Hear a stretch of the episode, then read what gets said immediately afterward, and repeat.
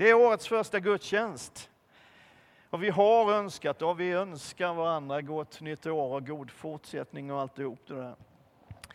Eh, Gittan, min fru, hon jobbade nyårsafton, inte hela kvällen men, men till nio-ish eller något sånt där i alla fall. Så jag hade några timmar för mig själv och det är bra, det gillar jag. Då hade jag tid att göra det som jag mest av allt tycker om att göra, att sitta ner i vår soffa och fundera lite och be lite och fundera lite till och skriva ner några funderingar och tankar. Och så. Så här, jag gillar det. Och, så här, och då tänkte jag bland annat på det här hur mycket förväntningar som alltid liksom ligger i luften inför ett nytt år. Det är som om det där med att, att vända blad i en kalender för med sig en, en tro på att nu kommer någonting helt nytt, något vi aldrig har varit med om tidigare. Och när det egentligen ju faktiskt är så att det enda som har hänt, det är någonting som har pågått liksom hela tiden sedan Gud skapade världen och som första Mosebok uttrycker det i sitt första kapitel. Och det blev afton och det blev morgon. Det är det som har hänt. Jag ska bara ta ner dig lite grann. Jag ska uppmuntra dig också idag. Jag, jag tror det, jag hoppas det. Men alltså när ett nytt år börjar så, så gillar vi ju på något sätt att både blicka bakåt och blicka framåt. Vi ser tillbaka och gläds förhoppningsvis över det som var bra under året som gick och så kan vi sörja över och kanske till och med ibland lära oss någonting av det som inte blev så bra under året som gick. Och det har ju varit ett par ganska märkliga år. 2019, innan pandemin hade brutit ut, så var ju budskapet till oss alla att försöka undvika negativa människor. Eller hur? Och sen, sen 2020 så ändrade pandemin på budskapet. Då var det positiva människor vi skulle undvika. Och sen 2021 så skulle vi helt enkelt bara undvika människor. Och vi vet inte riktigt vad 2022 blir, liksom undvika allt och alla. Men, det. Men när vi för ett par år sedan, eller för ett par år sedan, när vi för ett år sedan lämnade 2020 bakom oss, liksom ett år då stora delar av världen hade lamslagits av pandemin och Folk hade förlorat sina anhöriga, många hade varit svårt sjuka. Vi upplevde oro på arbetsmarknaden, sjukvården var överbelastad och vi fick knappt träffa andra människor. Så tänkte vi nog, jag vet att jag gjorde det i alla fall, att ja, men 2021 kommer att bli så enormt mycket bättre. Och sen med facit i hand så kan man väl bara säga, ja.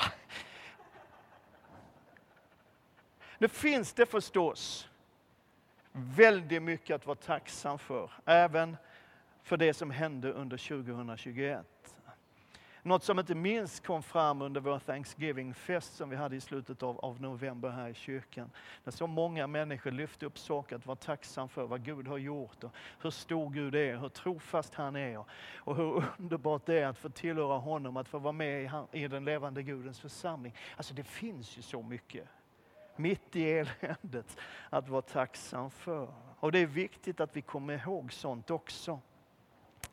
Men sen ser man ju inte bara bakåt, utan när man byter år så här så försöker man ju lite grann att blicka framåt. Och vi vill gärna blicka framåt. Jag vet inte om du har märkt det, men de senaste dagarna så har, har ju tidningar och sociala medier varit fyllda av sådana här snabbintervjuer. Du vet sådana här listor, man frågar tio personer. Liksom det här, vad hoppas du på inför 2022? Vad hoppas du på? Och om man summerar åtminstone det jag har sett och läst och hört så, där, så, så sammantaget så kan man väl säga att att det vi hoppas mest på är uppenbarligen att covid ska utplånas från jordens yta. Det är många som tycker det, jag håller med. Och sen hoppas människor, och du och jag antagligen också, på, på det här vanliga. Att vi själva och familjen ska få vara friska, att det ska gå bra på jobbet och att vi kanske äntligen ska få kunna resa utomlands på semester igen. Ni vet allt, allt det här vanliga. Alltså. Sådär. Men när jag har läst de här artiklarna, sett intervjuerna, tagit del av hur människor har svarat, så har jag tänkt så här. Att det är ju ändå märkligt hur stora förhoppningar vi människor sätter till ett årsskifte. Det är som om alla förutsättningar förändras för att vi byter 21 mot 22. Som att det ligger något magiskt i att en dag blir till en annan dag. Som om tiden i sig självt skapar någonting nytt.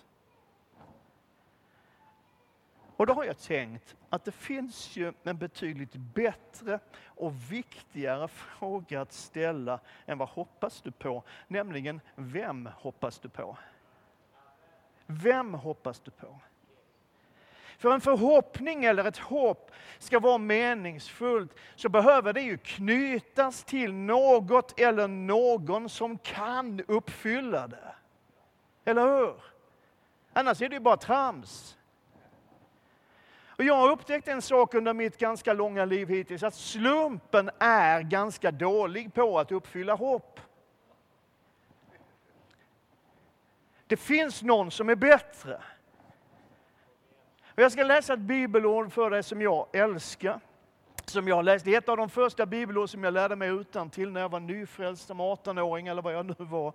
Och jag har läst det, jag har citerat det, jag har predikat över det ganska många gånger. Och det är ett ord som jag faktiskt upplever att Gud gav till mig på nyårsafton när jag satt där hemma i soffan i min ensamhet. Det står så här i Jakobs brevs första kapitel och den sjuttonde versen. Står så här allt det goda vi får, varje fullkomlig gåva är från ovan och kommer ner från ljusens fader, hos vilken ingen förändring sker och ingen växling mellan ljus och mörker. Det är ett härligt ord, eller hur? Allt det goda vi får och varje fullkomlig gåva är från ovan, kommer ner från ljusens fader, hos vilken ingen förändring sker och ingen växling mellan ljus och mörker. Du vet, allt gott i tillvaron kommer från Gud. Det goda som du upplever är inte en slump, utan det kommer från Gud. Allt sammans. Det är vad ordet säger här. Allt som är gott och som drabbar dig kommer från Gud. Och när det här bibelordet landade i min ande häromdagen då, så, så var det ju i den riktiga bibelöversättningen, den som jag hade när jag kom till tro, den som Jesus själv använde, apostlarna och alla, och alla de här. Det som jag liksom hade när jag började läsa Bibeln som, som ganska ung, nämligen 1917 års översättning. Halleluja. Där, står, där står det så här. Idel goda gåvor och idel fullkomliga skänker komma ner ovanifrån, från himlaljusens fader, hos vilken ingen förändring äger rum och ingen växling av ljus och mörker. Idel goda gåvor och idel fullkomliga skänker. Och nu har vi en massa människor här som är yngre än vad jag är. Det kan man inte tro, men det finns sådana. Och då, då tänker jag så här, idel, vad i all världen betyder idel? Och det betyder uteslutande, enbart, bara, blott, endast. Det är vad det betyder. Så egentligen så skriver Jakob ungefär så här, min fria översättning. Enbart goda gåvor och uteslutande fullkomliga skänker kommer ner ovanifrån, från himlaljusens far, hos vilken ingen förändring äger rum och ingen växling av ljus och mörker. Och det här är så viktigt. Och vi behöver påminna oss om detta du och jag. Att det som Gud ger är gott. Det som kommer ifrån Gud är gott och allt som är gott har sitt ursprung hos honom. Vi behöver påminna oss om det. Du behöver påminna dig om det. Du behöver påminna din bänkgranne om det just nu. Säg det. Det som kommer från Gud är gott. Och vet, en av, du ska säga det på skånska också, då har man med ett litet i i diftongen. Gott! En av de första predikningar som jag någonsin höll, och det är rätt länge sedan nu, den hade rubriken Gud är bara god. Och lyssna på vad jag säger nu. Gud kommer aldrig att ge dig någonting som inte är gott. Gud kommer aldrig att ge dig någonting som inte är gott. Aldrig någonsin. Och Det tror jag att de flesta av oss egentligen håller med om. Men ibland när det blir lite jobbigt i livet, så finns det ibland lite, lite snurr i våra tankar, så börjar vi tänka, ja men det är kanske Gud som vill visa mig någonting. Men det som inte är gott kommer inte från Gud. Och ibland så börjar vi då fundera på, ja men Gud kanske har tillåtit det här onda att hända mig. Nej, det har han inte. Det har han inte, för han är bara god och det han ger är bara gott. Ja, men hur kan det då hända? Jo, därför att den här världen har vi människor som vi, vi fick den här världen, vi hade ansvar för den, vi skulle råda och regera. Vi la den i den ondes händer. Vi gjorde det. Kanske inte du personligen, men du har nog varit med och bidragit till det. Du som jag. Och Det betyder att Gud behöver inte tillåta någonting alls. Det sker ändå därför att vi har gett över makten över den här världen till den onde. Men Gud gör inget ont mot dig. Och han låter inget ont drabba dig heller. Sen händer dåliga saker hyfsat goda människor. Det finns inget som är bättre än hyfsat goda. Men det händer. Det, därför att den här världen är i den ondes våld. Men vi tillhör inte den här världen. Utan vi tillhör Guds rike. Och i Guds rike så råder Guds godhet, hans barmhärtighet. Och den kan träffa dig vilken sekund som helst, när du minst anar det, till och med under ett nytt år. Gud ger dig ingenting som inte är gott. Han ger bara goda gåvor. Han ger dig uteslutande det som är fullkomligt. Du vet, vår Gud är inte en hednisk Gud som måste hållas på gott humör. Amen. Det, det, är ju det som kännetecknar de hedniska gudarna. De var väldigt så här fram och tillbaka i humöret. Eller hur?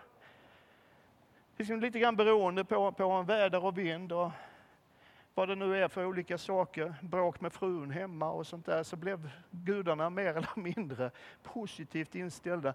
Så människan måste hela tiden hålla på och sträva och kämpa och ligga i för att hålla de här gudarna på sin sida. Nu fanns ju inte de gudarna, men i människans föreställningsvärld så fanns de.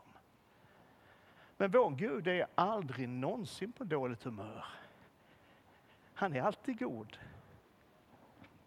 Och hans kärlek till dig förändras aldrig. Den varierar inte beroende på hur väl du lyckas leva och bete dig. Hans kärlek till dig är evig. Det står så här i Jeremia 31. Med evig kärlek, det är Gud som talar. Med evig kärlek har jag älskat dig. Därför låter jag min nåd förbli över dig. Wow. Och det säger Gud till ett folk som ibland har följt honom och ibland har gjort hans vilja, men som betydligt oftare, betydligt mer frekvent har brutit mot hans vilja, har gått sina egna vägar och till och med rätt ofta har vänt sig mot honom. Till det folket, till de människorna säger Gud att min kärlek till dig är evig. Och därför låter jag min nåd förbli över dig. Guds kärlek till dig är evig. Den har ingen början, den har inget slut. Du kan inte väcka den och du kan inte släcka den. Och hans nåd, låt mig säga, jag känner att jag profetiskt säger det här till någon eller några idag. Hans nåd ligger kvar över ditt liv. Oavsett vad som har hänt, oavsett vad du har gjort, oavsett om det har gått sönder någonstans här eller där. Hans nåd vilar kvar över ditt liv. Så vem hoppas, vem hoppas du på för 2022? Och det är den Gud som älskar dig och som bara uteslutande ger goda gåvor. Den guden som älskar dig med evig kärlek, han vill att det ska gå väl för dig. Han vill välsigna dig och han har välsignat dig. Och det finns ett makalöst löfte i psalm 37 som jag bara vill skicka in i ditt liv och in i din ande just nu. Ha din glädje i Herren. Han ska ge dig vad ditt hjärta begär. Överlämna din väg åt Herren, förtrösta på honom. Han ska göra det. Gud vill ge dig, inte vad ditt kött begär, för det brukar du ordna rätt bra själv.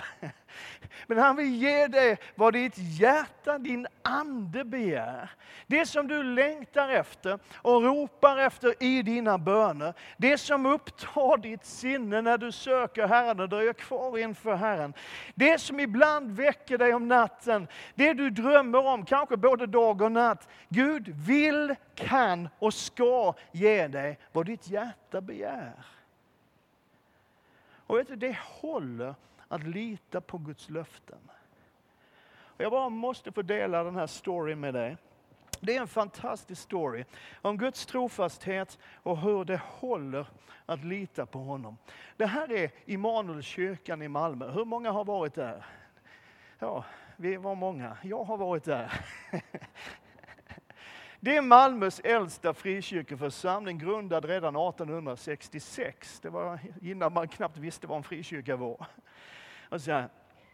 Men, men ja, då hade man inte den byggnaden, den där byggnaden är byggd någon gång på 50-talet. Så. Så där. Här växte jag upp. Det här är min hemförsamling som fjärde, eller om det möjligen var femte generationen Hultberg. Det är, liksom, det är släktkyrkan. Släktsekten höll jag på att säga, men det sa jag inte. Så. Här gick jag i söndagsskola, jag var med i scoutgruppen, jag fick vara med i blåsorkestern och spela kornett, jag lärde mig att spela elbas och piano. Liksom, här var jag med. Mina föräldrar var sjukt aktiva i den, nej det var de, de var härligt aktiva i den församlingen. Eh, och allt var inte perfekt i Immanuelskyrkan när jag växte upp. Ganska långt ifrån kanske man ska säga. Det var ganska strängt. Lite lagiskt religiöst sådär. Jag kände kanske inte alltid att jag passade riktigt in. Det var tydligt vad man fick göra, det var ännu mer tydligt vad man inte fick göra, om man säger så. Och I tonåren så, så var jag inte med särskilt mycket alls. Jag var med ibland för att jag tyckte det var kul att spela. Och min mamma var musikledare. Och hon hade större nåd med mig än med andra, så jag fick vara med och spela fast jag aldrig var där annars. Ja. Jag brottades med vad jag trodde på. Jag tyckte att det fanns saker som var betydligt roligare än kyrkan. Eh, jag, men ändå, liksom, trots alltihop det här, så jag minns så mycket av min uppväxt i Immanuelskyrkan med, med väldigt stor glädje och värme och tacksamhet. Men hur som helst, det här var när jag var barn en stor och livaktig församling. Gudstjänstlokalen var ofta fullpackad med folk, den rymde över 400 människor. Eh, och sådär. Men i slutet av 80-talet och början av 90-talet så började det gå ut för. Det blev färre och färre. Och jag minns ett besök jag gjorde, jag var hemma och hälsade på mina föräldrar i början av 90-talet. Jag hade flyttat från Malmö för länge sedan då var hemma hos mina föräldrar, och hälsade på dem och vi gick på gudstjänst på söndag förmiddag i Immanuelskyrkan. Så satt en handfull människor i den här utspridda, liksom, i den stora lokalen i en kyrka som var alldeles för stor för den verksamhet som man bedrev. Och jag då som var i 30-årsåldern, jag drog ner medelåldern rejält i den gudstjänsten. Kraft kraftigt drog jag ner medelåldern i den gudstjänsten. Och jag vet att jag sa till mina föräldrar när vi käkade middag efter gudstjänsten, att nu är det väl ändå dags att ni hittar en ny församling att gå med i. Och så minns jag också min pappas väldigt bestämda svar. När, när han sa, vi ska ingenstans.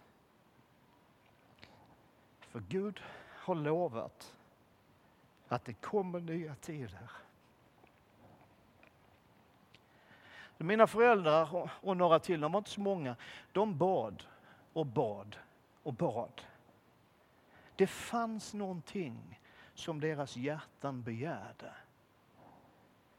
Så de ropade till Gud och de grät och bad och sen så bad de lite till och grät lite mer i flera år.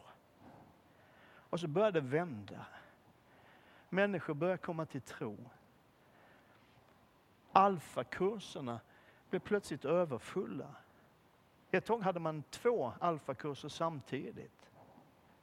Människor flyttade in från hela Sverige och från andra länder. Ännu fler kom till tro. Och idag så har Immanuelskyrkan i Malmö en bit över 400 medlemmar om jag kommer ihåg rätt. Den är större än ena kyrkan. Det grämer mig lite. Men och du som läser tidningen Dagen har kanske sett för, för några dagar sedan att den här församlingen som höll på att dö ut i början av 90-talet idag har vuxit så mycket så att man inte längre ryms i den här gamla Immanuelskyrkan från 50-talet. Så man har sålt den. Och så ska man bygga en ny kyrka så att man kan fortsätta att växa. Gud vill ge dig vad ditt hjärta begär. Och jag kan inte låta bli att dra vissa paralleller till vår församling. Inte det att vi håller på att dö ut, för det gör vi långt ifrån. Tvärtom så växer vi en aning i alla fall. Men vi samlas i en byggnad som just nu egentligen är för stor för vår verksamhet. För stor för det antal människor som samlas. Så vi hyr ut ganska stora delar av den här byggnaden. Och det är inget fel i det, det är nog både smart och, och vettigt och, och nödvändigt. Men vet du, det finns ett frö som har börjat gro i mig. Som jag tänkte dela med dig just nu. Att vi själva en dag ska fylla hela den här byggnaden.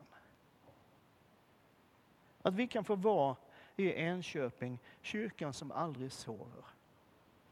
Kyrkan som aldrig stänger kan liksom montera bort larmet, för det är alltid folk här. Jag vet knappt om jag törs säga det här, men jag gör det i alla fall. Vet, tänk om, jag säger inte att det är så här, men tänk om det är så att Gud vill att den här byggnaden ska bli för liten för ena kyrkan. Det är en skrämmande tanke. Men lite kul också. Ibland så tror jag vi behöver tillåta Gud, tillåta Guds ande att vrida och vända på våra tankar. Liksom, för när han gör det så vrider han dem rätt. Jag kan erkänna att jag under de två senaste åren har varit lite bekymrad då och då. Inte jättebekymrad, men lite bekymrad då och då. För hur ska det gå med de här lokalerna? Hur, hur ska det funka om inte kompassen snurrar på? Hur går, går det då med lokalerna? Hur går det då med kyrkan? Det är klart att jag har tänkt de tankarna. Och så känns det som att Gud liksom ibland sträcker in sin hand och vrider till ens tankar så man tänker rätt. Tänk om det är så att Gud tänker att i en framtid så är de här lokalerna för små för ena kyrkan. Det är lite spännande. Och då kanske man tänker, så, så tänker jag, det gör nog du med. Liksom, ja men det är väl ändå inte möjligt, vi har ju knappt råd med den här byggnaden som vi har. Men Guds ord säger att så ska min Gud efter sin rikedom på ett härligt sätt i Kristus Jesus ge er allt ni behöver. Och den här versen börjar med ett så. Och när det börjar med ett så, då får man gå tillbaka i texten och ta med sig frågan hur då? Och då skriver Paulus så här, jag har fått allt och det är överflöd.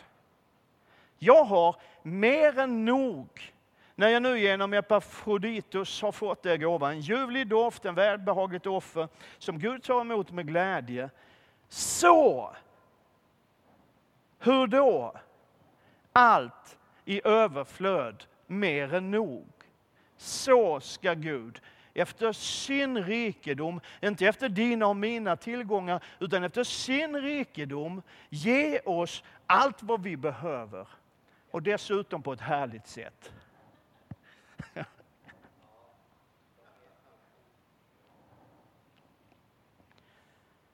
Vad begär ditt hjärta?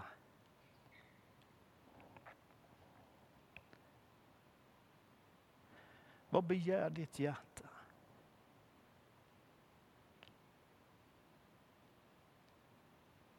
Tänk om vi ber för litet?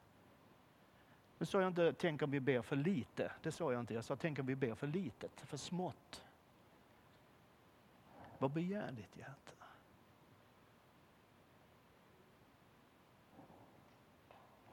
Vem hoppas du på? Vet, vi tror på en Gud som bara och uteslutande är god.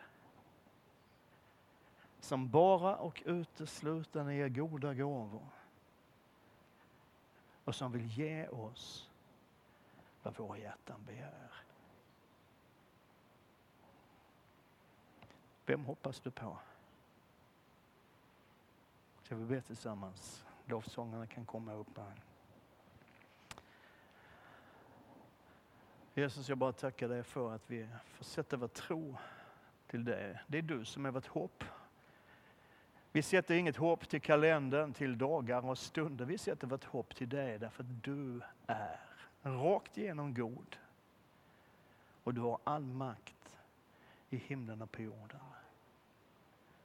Hjälp oss att ha tro på dig, att lita på dig, att våga vila i löftena och att våga sträcka oss efter det som är större än vad vi klarar av själva. Ja, vi ber för ena kyrkan och vi ber för det här året som ligger framför här. Vi ber att de här lokalerna ska få fyllas med människor som söker dig.